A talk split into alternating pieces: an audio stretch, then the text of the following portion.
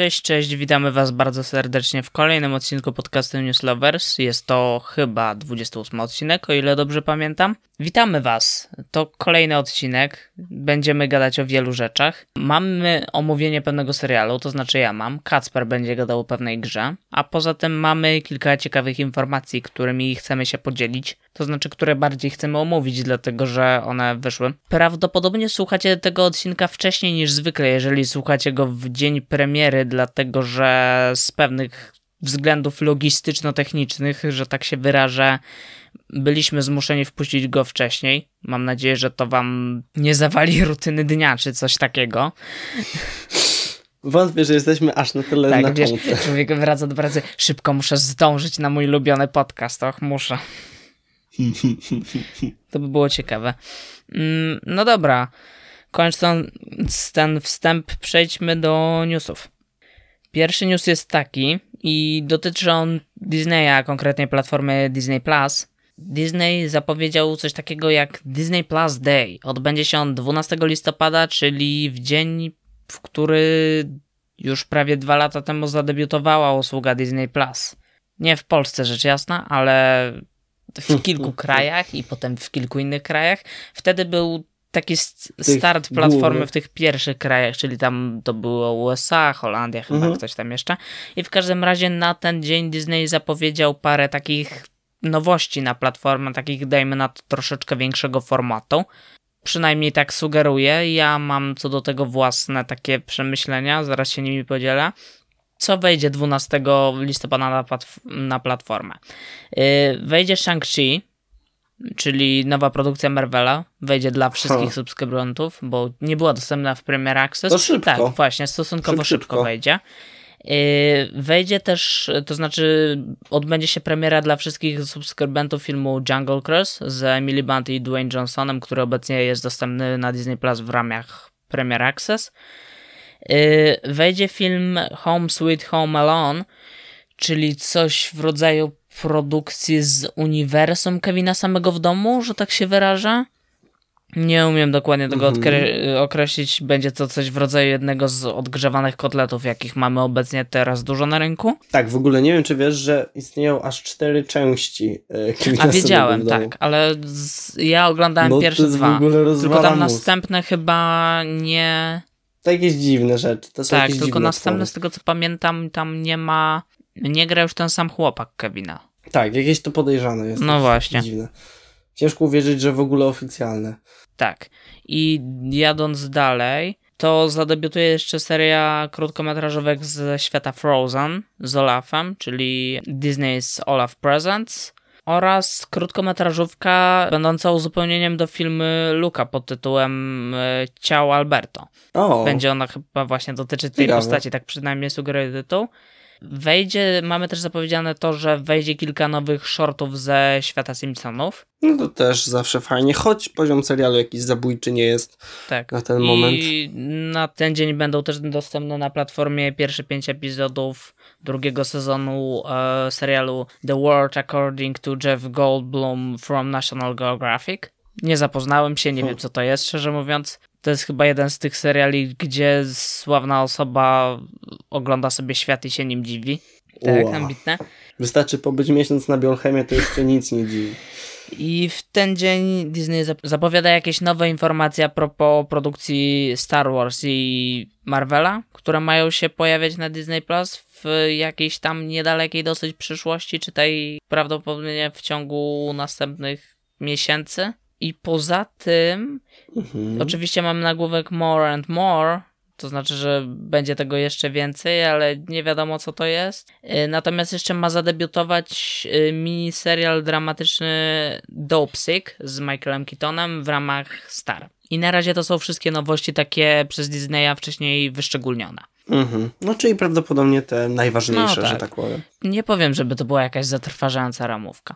W sensie nadal martwi mnie to, że dużą część oferty Disneya still stanowią odgrzewane kotlety czegoś tam. Sensie nowe serie, nie chodzi mi o to, że upchnięto tam większość produkcji ze Star Warsów i Marvela, tylko bardziej o to, że nowe seriale oryginalne, które są tam teraz wypuszczane są czymś na bazie seriali, które już kiedyś powstały lub filmów. No nie, nie jest to powód do radości, aczkolwiek nadal wiadomo, że mamy zapowiedzianych kilka tam produkcji zupełnie oryginalnych, Percy Jackson, które tam mają się stopniowo pojawiać i liczę, że dopiero się rozkręcają i jakoś będzie to jeszcze naprawiane. I Disney a propos tego święta swojego też zapowiedział, że będzie się ono odbywało co roku. Także co Mhm. roku będzie nam Będziemy mieć Disney Plus Day od teraz. Następna informacja. Jeżeli już jesteśmy przy serwisach streamingowych, to teraz coś o Netflixie. Mianowicie przedwczoraj bodajże, albo nawet wczoraj gruchnęła informacja o tym, że Netflix przejął Ronald Dahl Story Company, czyli mówiąc po ludzku, przejął prawa do wielu kultowych powieści i postaci stworzonych przez y, Ronalda Dalha, czyli pisarza od na przykład Charlie'ego i Fabryki Czekolady choćby. I właśnie tym sposobem Netflix przejął też prawa do starych filmów Charlie, Fabryka Czekolady, Matyldy, BFG, Wiedźm i różnych innych filmów. Ujawniono nam też y, przy tej informacji inne informacje, mianowicie, że trwają prace nad y, nowymi serialami animowanymi z tego uniwersum bazującego na powieściach Ronalda Dalha właśnie. Między innymi serial Charlie i Fabryka Czekolady, za który odpowiada Taika Waititi, o czym wcześniej nie wiedziałem, co jest Uuu. ciekawe. Jestem tylko ciekawy, jaki to będzie rodzaj animacji. Tego nam nie podano chyba z tego, co pamiętam. I ma także powstać aktorski film o Matyldzie, czyli to też jest jedna z adaptacji e, powieści Ronalda Dalha. I ten film ma być musicalem, tu jest to zaznaczone. Oraz ma też dostać kolejny serial animowany ma dostać seria, która nazywa się Państwo Głuptakowie. Nie miałem się okazji wcześniej zapoznać, natomiast w przypadku tej serii wiadomo, że tworzą ją scenarzyści od y, Zootopii. Tyle wiadomo. Hmm. Także też widać, że Netflix tutaj jakby dwoi się i troi, żeby widzi, że jest zagrożony w jakiś sposób przez to, że startują kompletnie nowe serwisy streamingowe, a ja te, które już są, rosną w jakiś sposób w hierarchii, zwiększają swoją pozycję na rynku. Więc Netflix widać, że próbuje zrobić też coś, żeby tą swoją pozycję giganta zatrzymać. Zobaczymy, jakim to wyjdzie w praktyce. Z tego wszystkiego, co tu było powiedziane, no to oczywiście czekam na ten serial Taiki Waititiego. Mm. tak. To jest bardzo zapracowany człowiek chyba. Tak, faktycznie. Bo on w tej chwili, co on tworzy? On tworzy, chyba pracuje teraz nad dwoma swoimi oryginalnymi jakimiś produkcjami. Tworzy właśnie do jakichś tam marek. I jeszcze niedawno na przykład współtworzył Mandalorianina. To już jakiś czas temu, ale nie tak dawno. Pracuje też chyba nad kilkoma serialami w tej chwili dla różnych sieci streamingowych i coś tam jeszcze robi. No także faktycznie dosyć zapracowany człowiek. Ja się cieszę, aczkolwiek i tak najbardziej czekam na te jego filmy takie w 100% oryginalne, jego autorskie z jego scenariuszem Mhm. albo scenariuszem współnapisanym przez niego, bo uważam, że to mu najlepiej wychodzi, yy, nie odejmując mu oczywiście tego, że większość jego produkcji tworzonych w ramach jakichś uniwersów czy coś takiego, no to też trzymają jak najbardziej poziom. No bo jest wtedy po prostu największe pole do kreatywności Tak. dla twórcy. I tutaj jeszcze wrócę na chwilę do Disneya, bo zapomniałem o tym powiedzieć. Dostaliśmy jeszcze informację mm, o tym, że Chris Columbus, znany między innymi z tego, że tworzył dwie pierwsze części Harry'ego Pottera, e, tworzy adaptację książki Dom Tajemnic, która e, ukaże się w formie serialu na Disney+. Plus. I jest to, co ciekawe, adaptacja jego własnej książki, którą napisał wraz z Nedem Vizim. Chyba tak się czyta to nazwisko. Więc no. To będzie jedna z tych produkcji bardziej oryginalnych, o których wcześniej mówiłem, że na takie rzeczy bardziej czekam, aczkolwiek książki nie czytałem, więc też nie mogę się za bardzo wypowiedzieć. I idąc dalej, To jak już jesteśmy, jak już napomknąłeś w pewnym sensie o Harrym Potterze, to może powiemy O. pewnym tak, właśnie, to, this, this, this is. E, nie wiem, czy pamiętacie, ale jakiś czas temu e, wychodziły filmy, które były spin-offami do Harry'ego Pottera i miały tytuł Fantastic Beasts, czy też po polsku Fantastyczne Zwierzęta, jak wolicie. Ambitny plan był taki, że Rowling napisze scenariusze do pięciu filmów, bo miało powstać pięć filmów i miałyby one wychodzić co dwa lata od roku 2016. Pierwszy film ukazał się w roku 2016, Fantastyczne Zwierzęta, jak je znaleźć. Drugi ukazał się w roku 2018, miał tytuł Zbrodnie Grindelwalda o ile pierwszy przez szeroko rozumianą opinię publiczną był przyjęty dosyć ciepło jeszcze, o tyle drugi zebrał dość no, taki, negatywne taki, komentarze taki... w internecie a tuż po nim wyniknęło jeszcze wiele kontrowersji związanych z co po niektórymi członkami ekipy zaangażowanymi w projekt. W tym głównym antagonistą, co według mnie przynajmniej było, jest, było sporym problemem tak. i nadal będzie dla kontynuacji tak, i też serii. E, w tym samą Rowling, która ma też dużą rolę do odegrania w tym projekcie. Kto by się tak, spodziewał? Co do pierwszych dwóch części, to ja pierwszą lubię, natomiast, ale też nie uważam jej za jakiś film ultra wybitny. Natomiast drugą zdaję sobie sprawę, że ten film zawiera bardzo dużo błędów i jest nagromadzeniem głupot i pokazów nielogicznych decyzji bohaterów. Natomiast chyba na pewno jest Grindelwald. Jest Grindelwald i poza tym ja wyszedłem, ja wyszedłem wtedy, pamiętam, że w tym 2018 roku z na pewno zawiedziony, ale jednocześnie przyjąłem chyba ten film lepiej niż większość ludzi, patrząc na opinie innych w internecie. To znaczy, to nie jest dramat. Powiem tak. Pod względem filmu jako filmu, to nie jest coś wybitnego, w sensie nie było, nie jest ta część, ale jako dodawanie po prostu do budowania tego świata, no to to jest dobre. Właśnie dla fanów, po prostu. Rozszerzanie naszej wiedzy e, o tych epokach. Akurat to jest Mo, według mnie tak ogólnie, całą serię biorąc, to po, poszli po prostu w głupim kierunku, bo wprowadzili całkowicie nowy charakter. No, no, no dobra, nie tyle nowy, bo był autorem podręcznika. W sensie oni zaczęli kontynu zamiast kontynuować wątki bohaterów, których poznaliśmy w pierwszej części, potworzyli jakichś nowych bohaterów, których wsadzili tam i a ci starsi bohaterowie zeszli na drugi plan. Tak, ale mówiąc też o pierwszej części, ja bym chyba lepiej przyjął coś w dużo poważniejszym tonie właśnie może coś nawet w rodzaju dramatu historycznego. Kroniki takiej. O tamtym okresie. Tak, dokładnie. Niż dodawania takiej kolejnej fabuły. Wiem, że to jest bardzo kontrowersyjne i by się nie sprzedało, ale mam taką opinię, bo to jednak była no wielka wojna czarodziejów. Można się było pokusić o coś takiego poważniejszego. Biorąc pod uwagę, że wszystkie osoby, które tak do, dorastały z Harrym Potterem, no są już dorosłe. Ja też kurczę w sumie nie wiem, czego oczekiwałem od tych dwóch pierwszych filmów. Ja nie wiem teraz, dawno je oglądałem. No to było takie znikąd Czy one trochę. się pojawiły takie... tak i... Bez planu za bardzo, no bo sorry, zrobienie fabuły pierwszej części o zwierzętach tylko po to, żeby było to w następnych tytułach, mimo że nie mają Właśnie, żadnego powiązania ze zwierzętami. Trzeci czwarty plan. Mimo, że są w tytule, To nie zmienia faktu, że jak już się pojawiały, to były całkiem ciekawym elementem. Mm, no, no ale tak. to nie zmienia faktu, że faktycznie ten tytuł jest idiotyczny. I tu dochodzimy do konsensusu całego, czyli tego, że. Ależ was w niepewności no podtrzymaliśmy. Czyli tego, że trzecia część fantastycznych zwierząt faktycznie powstaje jakimś cudem, bo po drugiej właśnie nie byliśmy wow. pewni, czy z tego planu pięciu części coś wyjdzie. Nadal w sumie nie wiemy, czy ta trzecia nie będzie ostatnią z jakichś tam względów. Tej, a wiesz, taki plot twist, że to jest zamierzona ostatnia, bo skrócili wszystkie następne No właśnie na tą film. chwilę tego nie wiadomo, bo też Wiele osób na przykład po tym, co zrobiła ostatnimi czasy Rowling, choćby świadomie jakby mówiła w social mediach o tym, że rezygnuje jakby z jakiegokolwiek angażowania się w Harry'ego Pottera jako uniwersum i z tego całego jakby jakiegokolwiek wsparcia dla autorki, którym byłoby kupienie biletu na film. No i właśnie to może przysporzyć temu filmowi dużych problemów finansowych. Nie wiemy jak się to będzie miało w praktyce z takimi wnioskami raczej zaczekamy. W każdym razie film zadebiutuje 15 kwietnia następnego roku, czyli za... Czyli zadziwiająco tak, szybko. Stosunkowo... Nikt się chyba tak, tego właśnie, nie spodziewał. Bo...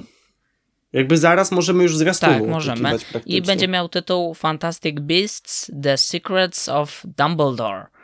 Ale będą to odmieniać w polskim tłumaczeniu. Ale czy dla ciebie ten tytuł też brzmi Dumbledora. trochę jak fanfic? Bo ja, ja mam takie niejasne wrażenie, że to, to, to brzmi głupawo w niektórych sytuacjach.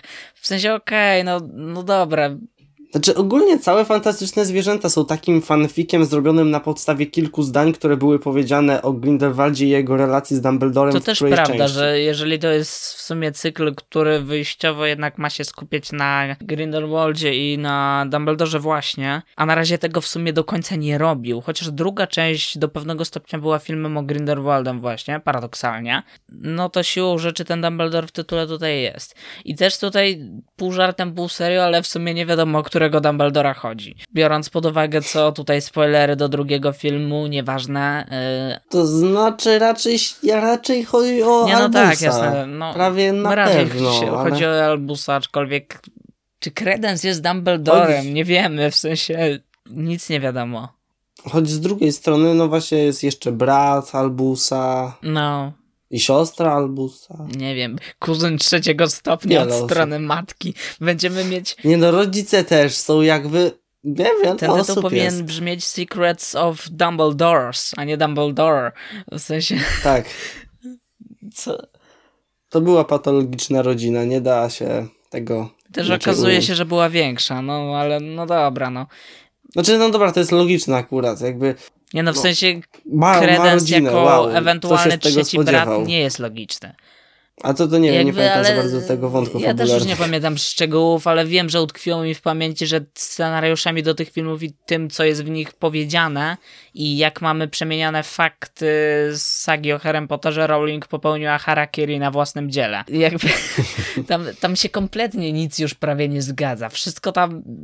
W drugiej części mamy choćby y, Minerva McGonagall, która w tamtym czasie nie mogła uczyć w Hogwardzie bo nie żyła jeszcze. Albo była dzieckiem jak żyła, to była dzieckiem. No dobra, ale no się tam nic się nie zgadza, wszystko jest i tutaj się cieszę, że podobno Rowling ma drugiego scenarzystę, więc może nie będą się w trzeciej części odwalać takie głupoty. Choć ciężko niestety mieć już wpływ na to, co tak, miało no i też mamy nowego Grindelwalda, yy, bo mamy Matsa tak, Mikkelsena. No nie powiem, że jest to zły wybór, ale sama zmiana nie powinna mieć miejsca. Zawsze mnie gryzą takie zmiany, szczególnie w produkcjach na tyle profesjonalnych w teorii i wysokobudżetowych. Kiedyś, te, kiedyś recast był czymś naturalnym, że aktora się po prostu zamieniało, a teraz się kombinuje, wszystko się robi, żeby tego nie robić. Mamy y, sprawę Chevika Bozemana, y, przy którym w przypadku Black Panther 2 ogłoszono, że recast to absolutnie nie będzie. Teraz mamy Johnego Deppa, którego y, jest w innej sytuacji, bo został po prostu wywalony z produkcji, delikatnie mówiąc, chociaż wcześniej, kiedy były informacje, ja pamiętam jeszcze ten okres, kiedy pojawiły się pierwsze informacje, że Deep w ogóle do roli został zatrudniony. Wtedy już to budziło jakieś kontrowersje i wtedy Rowling razem z Davidem Yatesem, który z kolei jeszcze do niego mogę wrócić i jeszcze do niego pewnie będę wracał przy omawianiu tego filmu, kiedy on już wreszcie wyjdzie, ale w skrócie on nie powinien być reżyserem tych filmów absolutnie, bo nie ma talentu do reżyserowania filmów, ale oni zapewniali wtedy, że y, jak najbardziej cieszą się z zaangażowania Johnego w produkcję i tak dalej, coś tam, coś tam. I mieli w tym rację. No akurat. tak, ale jednocześnie potem udowodniło się to, że była to korpogatka szmatka. Yy, bo zrobiono to, co zrobiono. No, mieliśmy o tym odcinek Przykrawo. Tak, to był nasz tak, pierwszy którym, odcinek w ogóle, nie licząc jest tyle szumów i tyle niepoprawności. Ja w ogóle go montowałem no. 7 godzin, co tak. jest absurdem, biorąc pod uwagę, y, jaki jest efekt końcowy dodatkowo, bo jest okropny, no, przyznajmy. Jak widzicie, nasze pierwsze kroki, kroki tak, były kiedy, kiedy nie umieliście nagrywać podcastu, ale mimo to go nagrywaliście.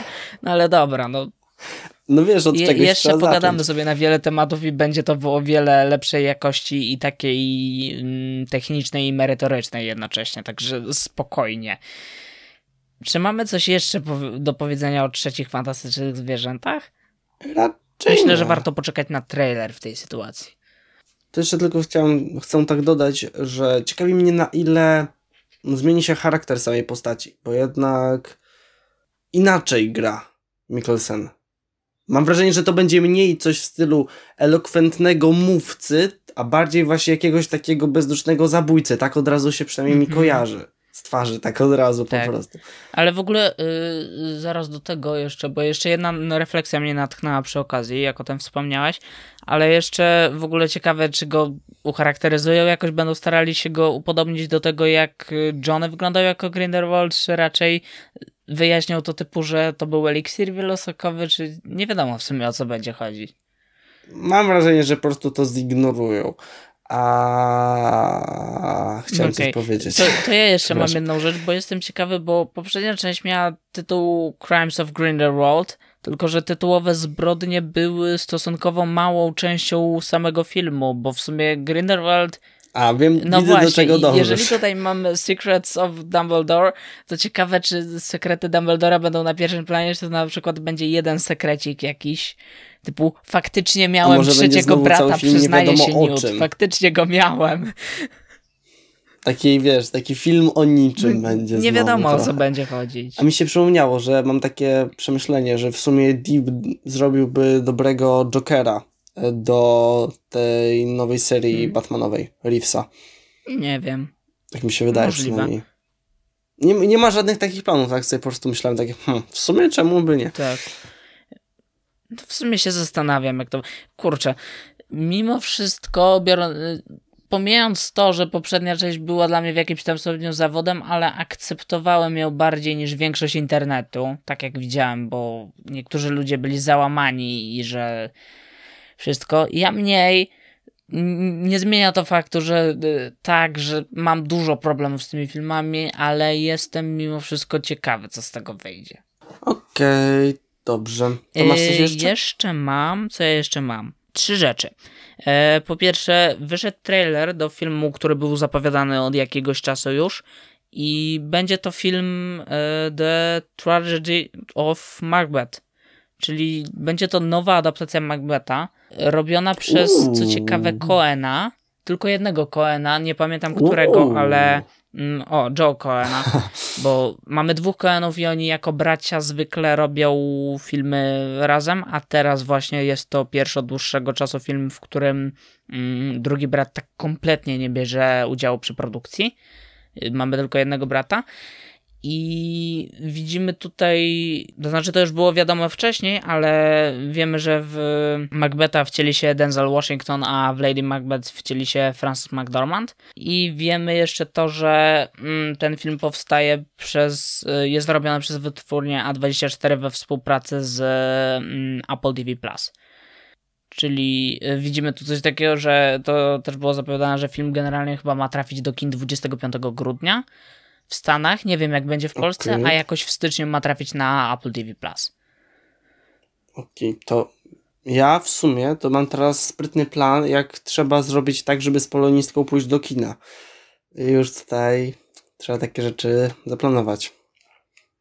Nie, ciekawe Tak, w sumie. To wygląda w ogóle ciekawie, bo na tym zwiastunie on nie jest jakiś specjalnie długi. Też wiele nam nie pokazuje, ale w sumie. Znaczy wiesz, No co tam tak, pokazywać? Jakby Bo, no, tak, każdy, każdy zna Macbetha. To jest, to jest ciekawe, że jak było się, jak jeszcze byliśmy takimi małymi dziećmi, no dobra, nawet nie małymi dziećmi, dosłownie dwa lata temu, to jakby wiedzieliśmy, że istnieje coś takiego, ale nie mieliśmy Tak. pojęcia o czym to Mhm. jest. A teraz to E, wiemy i się tak dobrze z tym Tutaj dojrzale idziemy czuję. jakby po tym zwiastunie widać, że idziemy w stronę takiego czegoś ciekawego wizualnie. To musielibyście to zobaczyć, żeby zrozumieć o co mi chodzi. Nie, nie, nie chcę tego też jakoś specjalnie opisywać, bo trudno to opisać, ale wygląda na No to nudne Wygląda wtedy, to na coś, próbuje co tak opisać. będzie wizualnie bardzo specyficzne. Widać, że. Aż sobie A, obejrzę widzisz? teraz No dobra, poczekamy chwilę. Ja w sumie tyle miałem do powiedzenia o tym filmie. W sensie ciekawi mnie to pod tym względem, że widać, że teraz A24 się zabiera za różne takie artystyczne projekty, bo ostatnio mieliśmy Green Knighta, na którym byłem w wakacje i nie mówiłem o nim, dlatego że wtedy nie mieliśmy odcinków. Dobry film, polecam, idźcie na Green Knighta. Jeżeli jeszcze jakimś cudem złapiecie seansa, bo chyba jest z tym trudno, to poczekajcie jak będzie na jakimś VOD i wtedy sobie obejrzcie, ale lepiej w Ale kinie. rzeczywiście, to ma być film całkowicie czarno-biały? Jeżeli I ereczka. Wow, Wygląda, że tak, wiesz? Kurczę, No. ciekawie, Tak. ciekawie. Naprawdę podzielić się tą informacją z moją nauczycielką? No, może coś z tego wyjdzie. Tak, i, i dla mnie też Okej. wygląda interesująco. Jeżeli będzie w polskich kinach normalnie, no to się z chęcią wybiorę. Kurczę, no, fajnie. E, dobrze, Tak. przechodząc dalej. Dalej, no to jeszcze, jeszcze wypłynęła jedna informacja, mianowicie, że Nintendo ogłosiło e, produkcję Dokładnie. filmu animowanego Mario, y, w którym w głównych Tak. rolach y, usłyszymy głosy Chrisa Pratta jako Mario, Anny Taylor-Joy i Jacka Blacka. I film ma mieć premierę Musi popracować nad włoskim akcentem, w sensie prawie Mhm, każdy. Okej. Mm, I film ma mieć premierę. Czy w, w tym kontekście holiday oznacza e, zimę? W sensie święta? Ciężkie pytanie, wiesz? Kurczę, Bardzo chyba ciężkie tak. pytanie. Śmieszne jest, jak e, nasze odcinki z, trochę się z Nintendo łączą, że mówiłem o tym Lego w ostatnio i tak dalej. Takie śmieszne. Nie chcę skłamać, więc powiem, że po prostu 2022 rok. No. Premiera. Okej. Więc tak. Mamy Czy to ten film. wszystko? I jeszcze jedna rzecz, mianowicie nie wiem, czy wspominaliśmy w którymś odcinku, że Rick Riordan wydaje nową książkę. W każdym razie teraz e, polski wydawca książek Riordana, czyli wydawnictwo Galeria Książki, zaprezentował nam polską okładkę książki, która chyba niczym nie różni się od tej podstawowej zagranicznej. E, Ujawnił polski tytuł, który jest dosłownym tłumaczeniem tytułu e, angielskiego, czyli Córka Głębin, Daughter of Deep i ujawnił datę premiery polskiego wydania, jest to 8 listopada. No i Czy zamierzasz przeczytać? Jak Okej. będę miał czas, choć u mnie z czasem ostatnio tak średnio.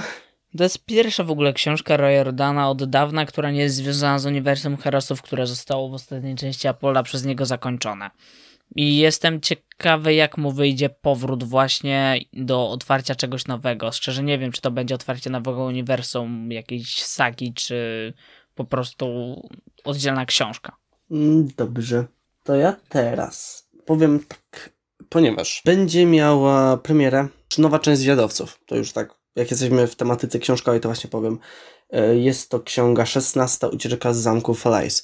I to znaczy, to zależy od kraju, bo akurat w Polsce jest to uznawane jako ciągła seria, a z tego co wiem, to w oryginalnym wydaniu to jest jakby oddzielna podseria. I wtedy to jest chyba piąta, ale nie chcę skłamać trochę tutaj jest chaosu z tą numeracją, bo mówię, mamy tam taki przeskok, ale jedna część, która w teorii jeszcze jest tą ostatnią, a potem była przerwa kilkuletnia w pisaniu. A ty jesteś w tej jest. chwili na bieżąco w E, ogóle ale-? Tak, ja jestem, ja jestem z tego dumny, jestem na bieżąco. Przeczytałem 15 e, książek zwiadowców, e, 8 e, drużyn, która jest spin-offem dotyczącą kraju sąsiedniego, e, bo to tak w takim klimacie średniowiecznym, Mhm. no to właśnie tak to się prezentuje. I tam dwa prequely jeszcze są. I jestem, tak, teraz właśnie to zobaczyłem dopiero, że jest. I powiem tak, nie wiem, czy będę od razu kupował, czy poczekam, aż będzie w bibliotece. Zobaczę właśnie też, jak się będę wyrabiał, czy będę bardzo. Nie będę się mógł doczekać, bo zauważyłem, że ostatnio e, ma takie, taką cechę Flanagan, że pisze książki w takich jakby połączeniach dwóch. Że fabuła dwóch książek jest bardzo została połączona, ale niestety widzę w tym też problem, bo o ile na przykład taka dziesiąta część zwiadowców miała ponad 400 albo nawet 500 stron, to te najnowsze mają 200 kilkadziesiąt, 300 kilkadziesiąt. To są książki też dużo krótsze, więc mam wrażenie, że on to robi tylko po to, żeby co roku dawać, bo dałoby się z tego jedną książkę zrobić, więc tutaj to takie trochę do poddyskutowania. A co do właśnie, miłe zaskoczenie jest takie, że polska okładka jest dużo ładniejsza niż okładka, która była pierwsza pokazana właśnie O. z oryginału. Bo tamta była po prostu dramatyczna. E, jakiś fan zrobił sobie taką analizę e, w stosunku do ciągłości serii i w stosunku do realiów tamtych czasów, nie? I po prostu kilkadziesiąt błędów po prostu wypisał. Tak, ostro zjechał. Tak, więc to taki news właśnie z kategorii literatury. Przechodząc dalej, e, co do Lego, to dzisiaj za dużo nie powiem, bo jest taki okres w roku, że czekamy jeszcze na kilka większych premier właśnie końco, końcoworocznych i powoli pojawiają się przecieki y, z ogólnie z całego katalogu, że tak powiem, regularnego z 2022 roku, ale są to bardziej na zasadzie, że mamy serię i jakieś ceny albo liczbę elementów, które przeciekają, więc to nie ma za dużego znaczenia. E, Powiem tylko, że są plotki i jeżeli to jest prawda, to jest piękne, że będzie z serii kolekcjonerskiej e, Gwiezdnych Wojen będzie ten e, taki śmigacz Luka Statuin, ten co on sobie tam latał, taki, mm? -hmm. A, to, dobra, dobra, wiem, tak. mam, mam w głowie. I to jest po prostu po... Okej, okay. i to jest piękne, bo jeżeli to jest prawda, to ja nie wiem, kto w marketingu w, Le w Lego pracuje, bo to jest po prostu powracający żart w społeczności od dobrych kilku lat. Bo chodzi o to, że mega często był ten pojazd po prostu e, odświeżany w różnych wersjach. Że na przykład była nowa kantyna Mos Eisley, no to było to. Był jakiś zestaw dom na pustyni, był on. Jakby zawsze był on w jakiejś formie. W porównaniu do innych z na przykład e, statków, których no, fani chcieli, bo były bardziej oryginalne, rzadsze i po prostu ich nie było, ciągle to jechali, więc po prostu były żarty o tym, że będzie kiedyś e, Look on Speeder UCS. I jeżeli to jest prawda, to to jest po prostu nie no, ciężko w ogóle w to uwierzyć. To jest jakby najgorszy.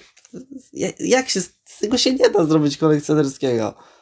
Jedyna moja teoria jest taka, że oni po prostu chcą sprawdzić, na ile y, ich fani są oddani i że i tak to, i tak to kupią. Będą narzekać, ale i tak to kupią. W sensie ja nie kupię, ale będzie śmiesznie oglądać to wzburzenie, jeśli się okaże, że to prawda. Więc y, z Lego to na dzisiaj tyle. Teraz przejdę do recenzji, o której była mowa we wstępie. Ponieważ, tak jak mówiłem chyba dwa tygodnie temu, ma miejsce taka miękka premiera, hmm, piękny tłumacz z angielskiego na polski, gry Junk World, studia Ironhide i ja już praktycznie ją skończyłem. W sensie w tej formie, w której można ją skończyć, bo jeszcze to nie jest gra skończona. Za dużo słowa skończyć w jednym zdaniu. Bardzo mi przykro. I mogę się właśnie o niej wypowiedzieć tak w kilku kategoriach. Więc zaczynając od początku, to jest to gra w klimacie postapokaliptycznym, w którym mamy na razie dwa światy, przy czym trzeci jest napisane, że będzie niedługo, obstawiam parę miesięcy. I mamy właśnie taki klasyczny pustynny w stylu Mad Maxa i taki bardziej radioaktywny bagno, więc to taki klimat, do tego są różne nawiązania. Mi się podoba, bo jest to coś, czego to studio jeszcze nie próbowało. I głównym trzonem jest seria fantazy, z kolei jest też spin-off science fiction, który ma z kolei inną mechanikę, ale do mechaniki przejdziemy później. Więc naprawdę fajnie. Zacznę tak. Zacznę od dobrych rzeczy na razie.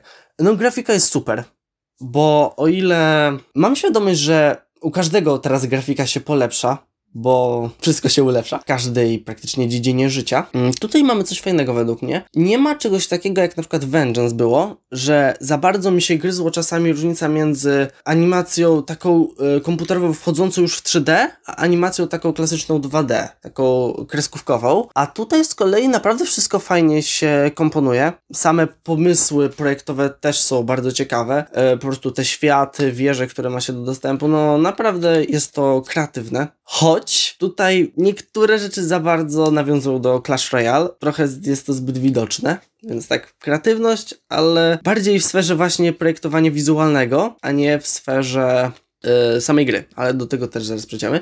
Teraz mówiąc o samym dźwięku i muzyce, wszystko jest super. Szczególnie nad muzyką chcę się na chwilkę, taką krótką chwilkę zatrzymać, ponieważ jest to też coś całkowicie innego niż mieliśmy wcześniej. Bo ze względu na inny klimat gry, to mamy tutaj na przykład po prostu elementy rocka i metalu, e, zamiast takiej klasycznej muzyki fantazy albo science fiction, no bo każdy wie jaka jest muzyka fantazy, taka orkiestrowana, no taka jej, taki Władca Pierścieni, coś takiego. Zawsze można było to tak porównać. A tutaj no, naprawdę jest przyjemna. Daje to trochę mm, dodatkowej warstwy rozrywki podczas grania. Co do samego działania gry, czasami się zacina. Mam wrażenie, że trochę za często. I nie jest to wina internetu czy czegoś takiego, bo jest to gra offline, ale no jest to, no jest to do wybaczenia, bo jest to po prostu na razie soft launch, więc wszystko będzie jeszcze ulepszane.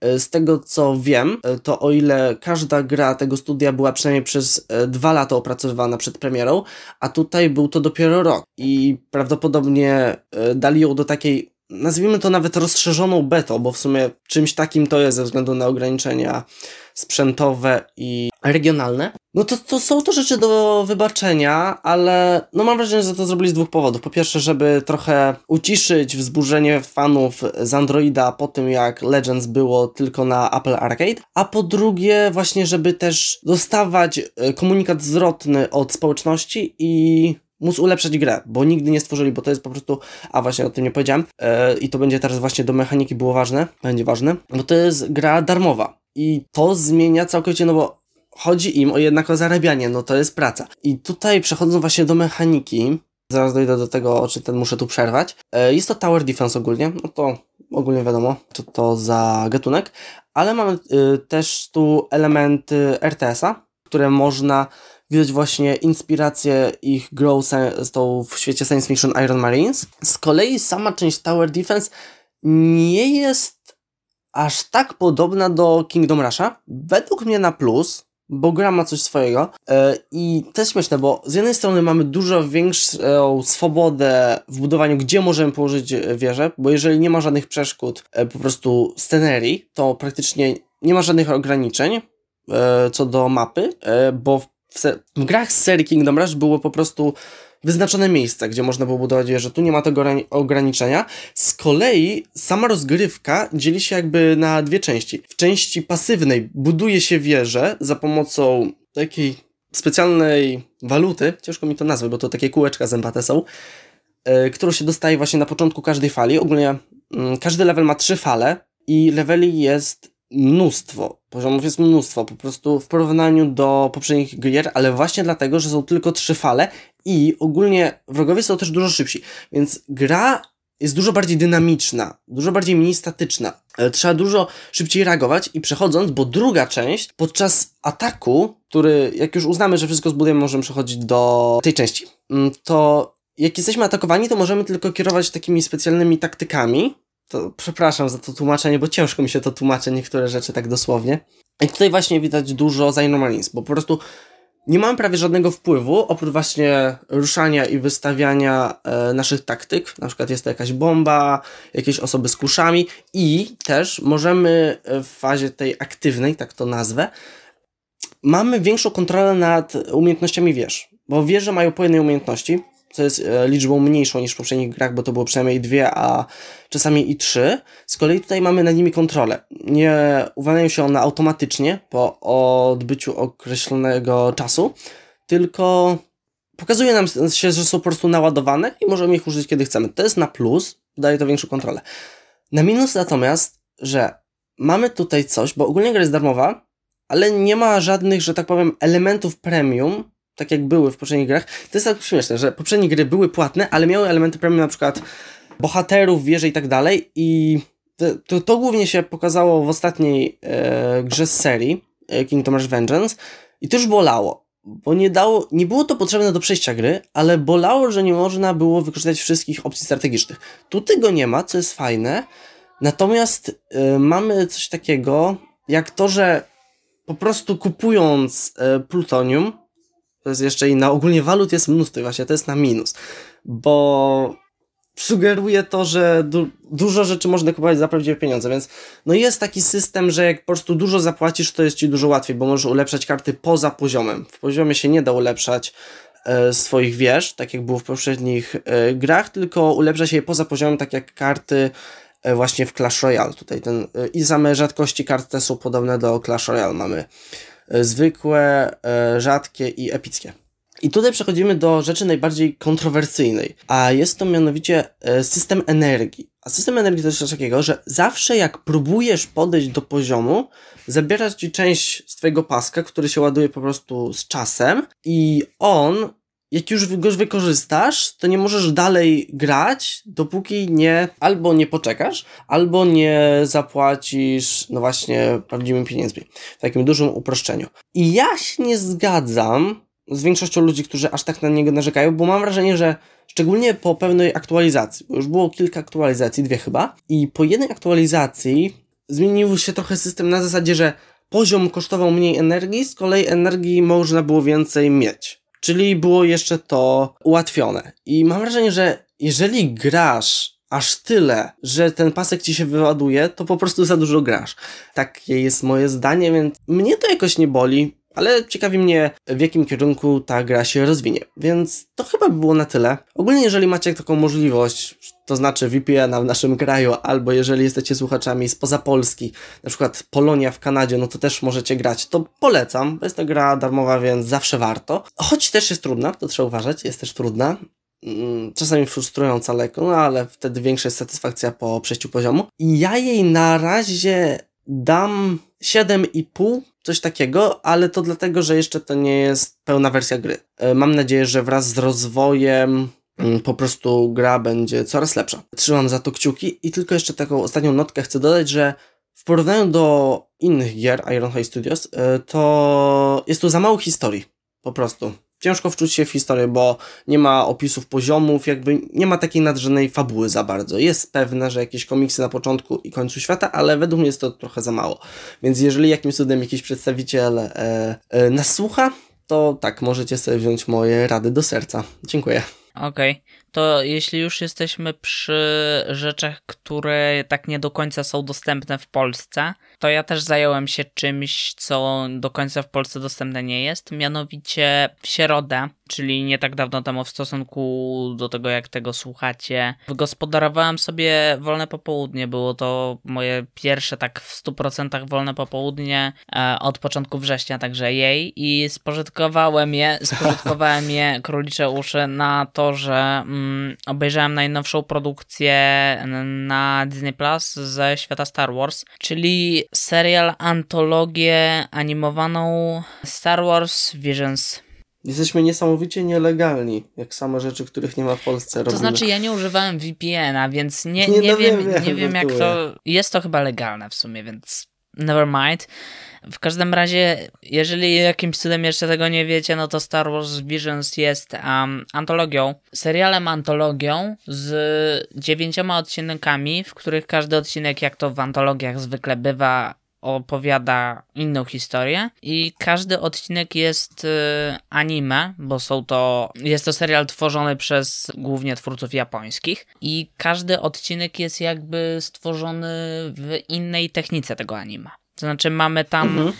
Mieszankę różnych są stylów. odcinki, że aż udało ci się wszystkie yy, Udało obejrzeć? mi się wszystkie obejrzeć w dwa dni, ale mógłbym to chyba nawet zrobić w jeden, bo łącznie trwają one około 2,5 godziny. One są tak od 14 powiedzmy do 20 paru minut. Dosłownie. Tak, A, to są krótkie historyjki, krótkie, naprawdę.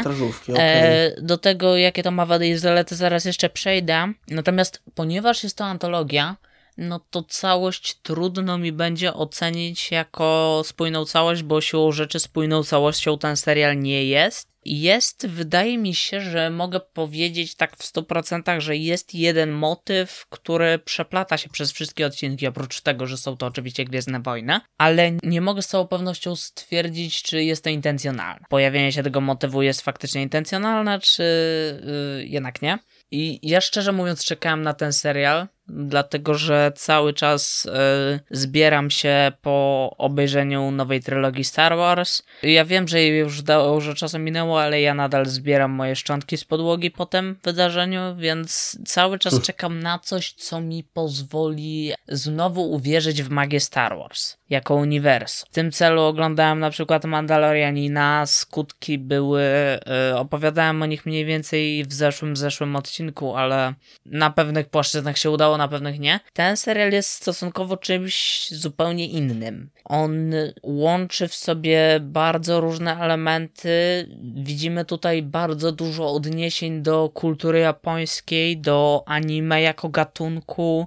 Widać, że tutaj twórcy mieli na mm, wielu etapach wolną rękę i przez to też jest odbiór tego dzieła bardzo specyficzny. Jestem pewien, że znajdą się osoby, które będą absolutnie każdym odcinkiem tej produkcji zachwycone, a jednocześnie jestem pewien, że będą też osoby, które absolutnie z miejsca znienawidzą ten serial, bo po prostu nie przepadają za anime i od razu mówię, że jeżeli jesteście osobami, które za anime nie przepadają, no to raczej ten serial też mimo wszystko nie przypadnie wam do gustu. Mój stosunek do anime jest taki, że nie jestem jakimś wielkim fanem, nie oglądam anime regularnie, ale też Nie jest tak, że jak oglądam anime, to czuję wielki niesmak. Zależy. Niektóre anime przypadają mi do gustu, lubię, a niektóre anime nie bardzo.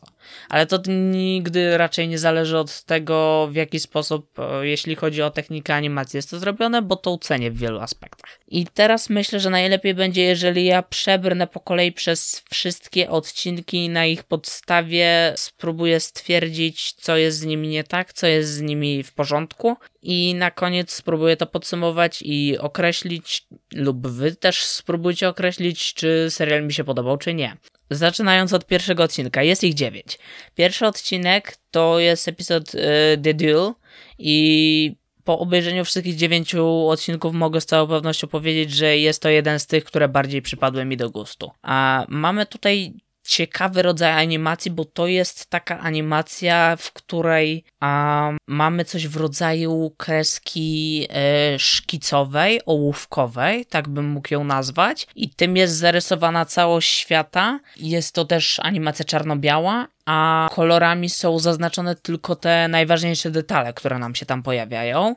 I widać, że tutaj twórcy stawiali na mm, taką animację bardziej artystyczną i to się udało. Ja widziałem fragmenty tego odcinka tak. e, na YouTube. E, tak. Od strony no, fabularnej się, mamy tutaj natomiast klasyczny motyw e, z pojedynkiem. To znaczy wioska jest atakowana przez grupę najeźdźców. Znaczy właśnie z tego co widziałem to trochę nie do końca ten miniserial uszanował pewne tradycje Star Wars. Miecz świetlny parasolka. Tak, do tego jeszcze mogę wracać, to znaczy z tym jest problem akurat, aczkolwiek w tym odcinku jest on stosunkowo mało widoczny.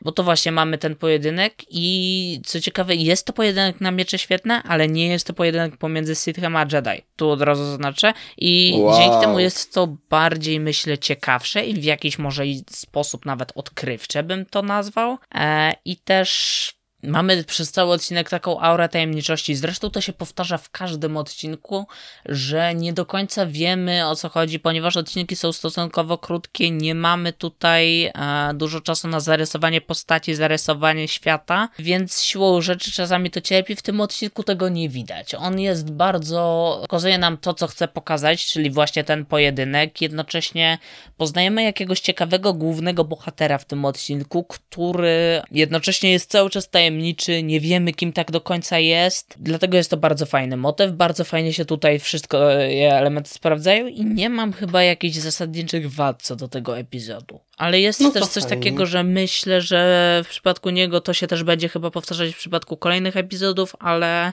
fajnie jest spędzić w tej animacji konkretnej, w tej stylistyce, można tak powiedzieć, te 15 minut dajmy na to, ale już gdybym musiał oglądać cały dwugodzinny film w takiej stylistyce, to myślę, że już bym się zmęczył. Przechodząc do drugiego epizodu, no to mamy tutaj epizod pod tytułem Tatooine Rhapsody. Mam tutaj wrażenie zupełnie inne względem pierwszego odcinka, dlatego że ten epizod absolutnie nie należy do moich ulubionych, a wręcz jest to epizod, który chciałem wyłączyć w jego trak w trakcie jego oglądania. Mamy tutaj mhm. z kolei historię takiego jakby zespołu rockowego, można by powiedzieć, zespołu muzycznego, złożonego z takich różnych wyrzutków społecznych, degeneratów w jakimś stopniu. Mamy sytuację, w której e, jeden z głównych członków tego zespołu zostaje skazany za jakieś zbrodnie. Nie wiemy do końca o jakie zbrodnie chodzi, prawdopodobnie o zdradę. I zostaje skazany, zaprowadzony przed oblicze Jabby Hata bo to Jabba jest tu, można by powiedzieć, głównym antagonistą i ma być wykonany na nim wyrok. Natomiast y, cały zespół chce go w jakiś tam sposób uratować. I to właśnie ten koncert i muzyka tego zespołu jest tutaj głównym elementem. Do tego będę się przyczepiał, dlatego że jest to historia, która absolutnie mnie nie bierze. Y, ja nie jestem krytykiem muzycznym i nie znam się na muzyce, ale to, co tutaj pokazują od strony siłą rzeczy muzycznej, dlatego że epizod opowiada o grupie muzyków, jak już powiedziałem, jest absolutnie okropne i tych kilku piosenek, które tutaj e, wpadają, to nie jest e, epizod, nie mogę go nazwać musicalowym, ale te piosenki się tutaj pojawiają i dla moich uszu były absolutnie okropne. i nie dało się ich słuchać. Po drugie, mamy tu też do czynienia z zupełnie inną a, animacją względem pierwszego odcinka. Jest to animacja bardziej cukierkowa, można by powiedzieć, e, kolorowa też. I miałem a propos całej stylistyki epizodu, jak i jego fabuły, przez cały czas oglądania wrażenie, że oglądam absolutny kicz. I nie było to absolutnie wrażenie pozytywne. No, nadal uważam chyba, że jest to najgorszy epizod w całej serii i nie mogę za bardzo więcej dodać. No to już się nie męcz tak. opowiadając. Jak przechodząc do trzeciego epizodu, to tu z kolei mamy sytuację, w której animacja jest podobna do epizodu drugiego. Jest nieco mniej kiczowa, to chociaż ten kicz jest nadal widoczny, aczkolwiek mniej mi przeszkadza. Jest to animacja, którą mogę nazwać mniej dziecięcą, gdybym miał to określić. Aczkolwiek nadal tutaj postaci nie są proporcjonalne i jest to animacja, w której widać, że jest ona w 3D. Mamy tu fabuła tego epizodu opowiada o rodzeństwie, które jest y, jakoś tam wybrane i y, które sprawuje jakąś ważną funkcję w y, strukturach imperium. Nie powiem w jakim okresie mhm. się dzieje, bo w sumie w przypadku żadnego z tych epizodów nie mamy dokładnie powiedziane o jaki okres czasowy nam chodzi. Przy części. Znaczy wątpię, że to w ogóle y, to kanon nie jest, jest kanon, tak, tak, od razu można to powiedzieć, zapomniałem Właśnie. o tym powiedzieć faktycznie na początku.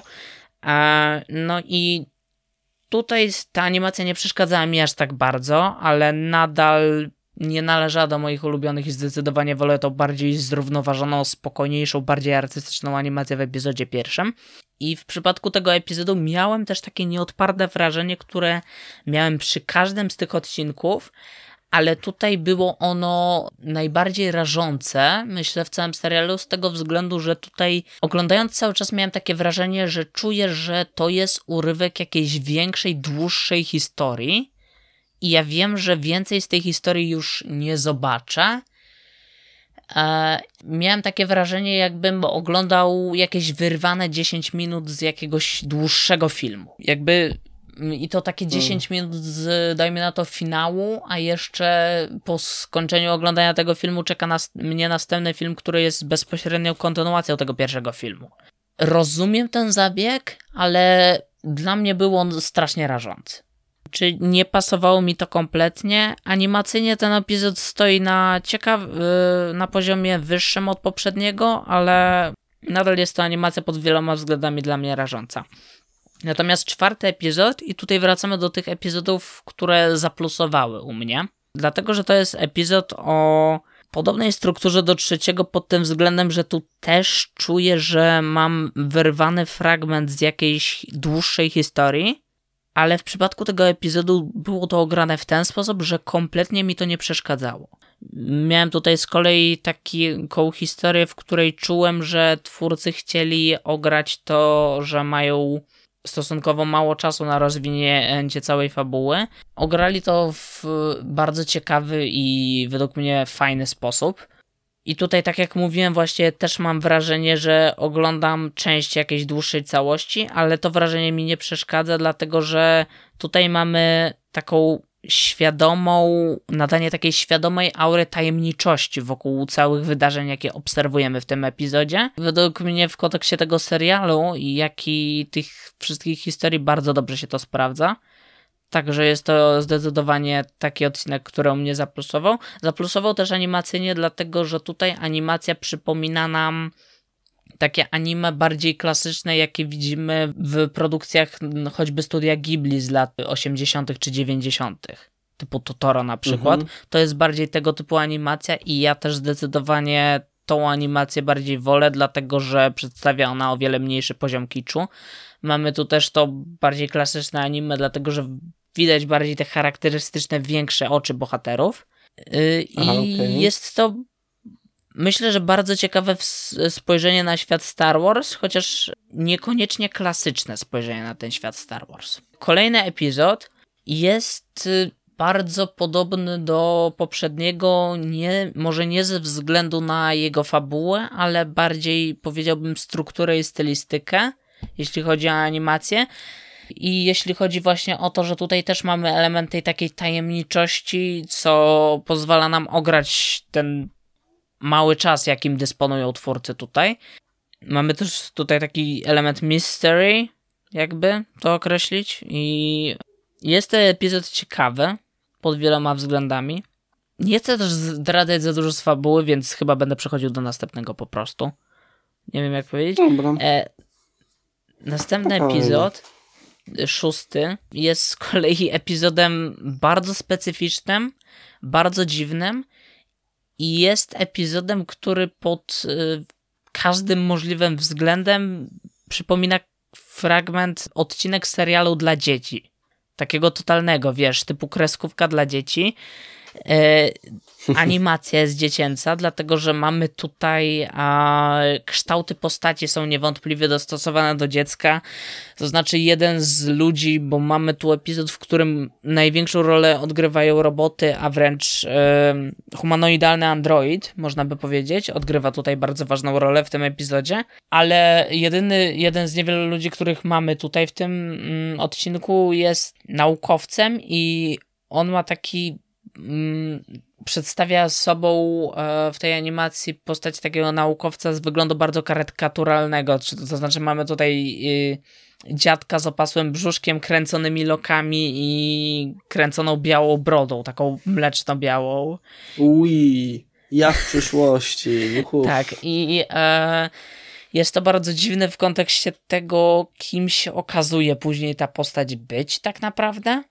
Chociaż o niej też nie dowiadujemy się wszystkiego, ale jasno wiemy, kim była, zanim trafiła tam, gdzie trafiła, czyli na odludną planetę, gdzie zamieszkała z e, tworzonymi przez siebie robotami.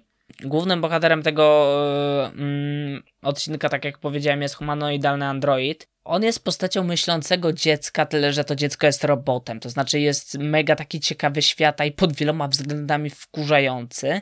I myślę, że to, że ten epizod jest, y, widać, że jest skierowany dla dzieci, mnie w nim najbardziej ir- irytowało, dlatego że dla starszych grup wiekowych, starszych nawet ode mnie, jestem pewien, że będzie on po prostu męczący. No tak. Też jest dziwny pod tym względem, że absolutnie e, nie ma nic wspólnego z jakąkolwiek logiką i nie ma też nic wspólnego za bardzo z kanonem i zasadami, jakie uświe, m, pokazał nam sobą świat Gwiezdnych Wojen i pokazywał przez lata. Znaczy on wiele wspólnego. W ogóle tutaj mamy sporo elementów też w poprzednich odcinkach, w którym wspominamy, które są absolutnie sprzeczne z tym, z zasadami, jakie ustanowione zostały przez lata w kanonie Gwiezdnych Wojen. No to już się nie męcz, bo już jak taki męczący Tak. odcinek. I następny odcinek, nim znowu wracamy do animacji bardziej klasycznej, znanych z epizodów e, 4 i 5, które już opisałem. Mamy tutaj, cieka- e, mamy tutaj fabułę dość oklepaną i ona trochę wygląda jakby była wycinkiem e, misji Obi-Wana Kenobiego i Anakina Skywalkera z tego okresu życiowego, którego w filmach tak naprawdę nigdy u nich nie zobaczyliśmy. E, mamy tutaj jasno pokazany już ten oklepany dla mnie trochę i męczący motyw relacji Padawana z mistrzem Jedi. Ale jednocześnie jest to odcinek ciekawy pod tym względem, że pokazuje nam nowe spojrzenie, że nie tylko Jedi i Sithowie potrafią władać mieczami świetlnymi na przykład, O, no Wracamy to, tu to też do fajnie. motywu pojedynku. E, I w ogóle a propos tego pojedynku na miecze świetne, to to jest w ogóle ciekawe. Ten cały serial jest ciekawy pod tym względem, że tu mamy zupełnie inne kształty mieczów świetlnych, których wcześniej nie widzieliśmy nigdy w filmach ani a, serialach. Znaczy, no niby fajne, ale z drugiej strony trochę to też jest takie czasami do Trochę przesady. tak, bo tu też mamy nastawiony na ten element właśnie, żeby pod japońską kulturę jakoś podpiąć te Star Warsy i przez to na przykład w bodajże następnym epizodzie wy, wychodzi nam coś takiego jak miecz świetny, który wygląda jak szabla, co robi bardzo No dobra. wrażenie. Znaczy, to jest takie fajne, takie wow, ale też takie No bez sensu. właśnie, bo w kontekście Gwiezdnych Wojen jest to bez sensu jak najbardziej i to też mnie dziwi, jak bardzo mimo wszystko, bo wiadomo było, że ten serial będzie z tej japońskiej kultury czerpać. Tylko, że on zamiast podpinać ją przez to, co, czym są Gwiezdne Wojny, to troszeczkę omija jakby to, czym są Gwiezdne Wojny i tworzy historie, które z, w których Gwiezdnych Wojen za bardzo nie czuć. I to mnie martwi. Ósmy epizod, przedostatni, jest czymś bardzo specyficznym i w jego przypadku niestety też miałem wrażenie, że oglądam coś nie tyle tak jak w po niektórych poprzednich odcinkach, że część większej całości, której całości nie zobaczę, ale bardziej um, coś w tym stylu, że jest to historia mocno skrócona, przez co jakakolwiek dramaturgia i jakiekolwiek poczucie jedności z postaciami, jakiekolwiek emocje do nich, które ma odczuć widz, są niemożliwe, w moim przypadku przynajmniej. I w sumie tyle na jego temat mogę powiedzieć. Ostatni odcinek jest czymś pod wieloma względami ciekawym, fajnym. Animacją przypomina e, stare filmy DreamWorksa typu e, Droga do Eldorado albo Księcia Egiptu bardziej, mm -hmm, ale okay. podrasowana tak, żeby była jak 3D można powiedzieć. I ten efekt animacji też sprawdza się dobrze. Mamy tu też ciekawe spojrzenie na postać Jedi, jako Jedi, bardzo nowatarskie i jednocześnie mogę, mimo że ten odcinek e, też odbiega od tego kanału Gwiezdnych Wojen, to mógłbym uwierzyć, że jednak da się go pod ten kanon jakoś podpiąć. I, i wywarł także na mnie wrażenie dosyć pozytywne. Teraz podsumowując ogólnie, cały tego no, serialu no był dla mnie serialem mm, kontrastów. Na pewno nie był tym, czego od niego tak naprawdę oczekiwałem, ale nie był też czymś zaskakującym może dla mnie.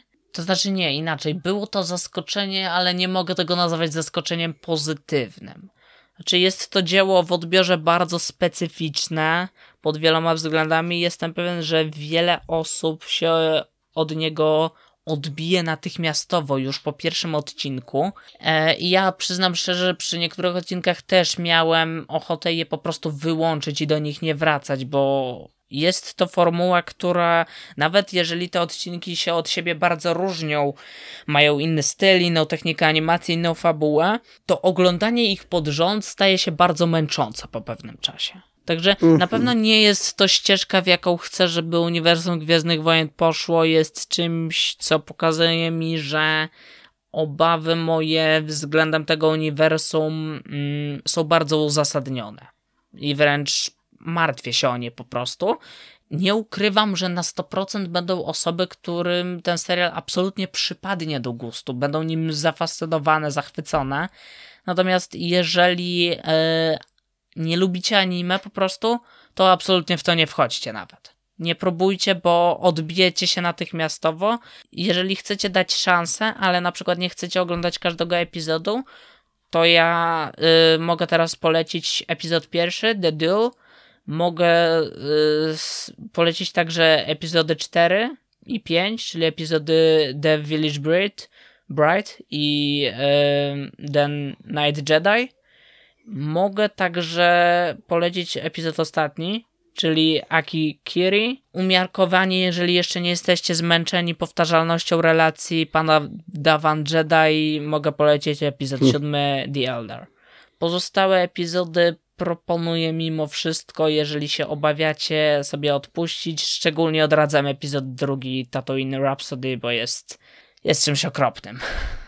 I chyba to by było na tyle z moich nieco okay. chaotycznych wrażeń a propos tego serialu. Okej, okay, no to chyba to by było też na tyle tak ogólnie rzecz biorąc. Prawda.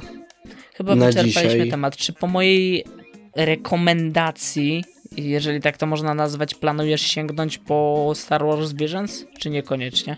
Może, ale raczej jeśli miałbym tyle czasu, to bym się skupił, wolił skupić na jakimś polecanym, porządnym anime niż takim Rozumiem. czymś na siłę. Mm, ja muszę teraz wrócić do What If, bo jestem do tyłu. Tak, to prawda. A mamy za dwa tygodnie omawiać, także muszę nadrobić odcinki. E, I co? E, co z wami? Dajcie znać, czy jeżeli oglądaliście Star Wars Visions, to Dokładnie. czy wam się podobało. Dajcie, Dajcie jakiekolwiek, jakiekolwiek znać. Nawet jak napiszecie, że tak. żyjecie, to Poza tym sukces. słuchajcie nas, e, subskrybujcie nasz kanał, polubcie nasz fanpage na Facebooku. Nie mamy Instagrama, to znaczy mamy, ale nic tam nie publikujemy, bo ten projekt, ten projekt jakby umarł śmiercią taką naturalną, można by powiedzieć. ale jesteśmy na wszystkich platformach podcastowych. Możecie nam na przykład dawać recenzje na iTunes, to też nas jakoś tam podbija w tych rankingach. Będzie nam bardzo miło. Dobrze. No i co? Trzymajcie się. Do usłyszenia. Cześć, papa.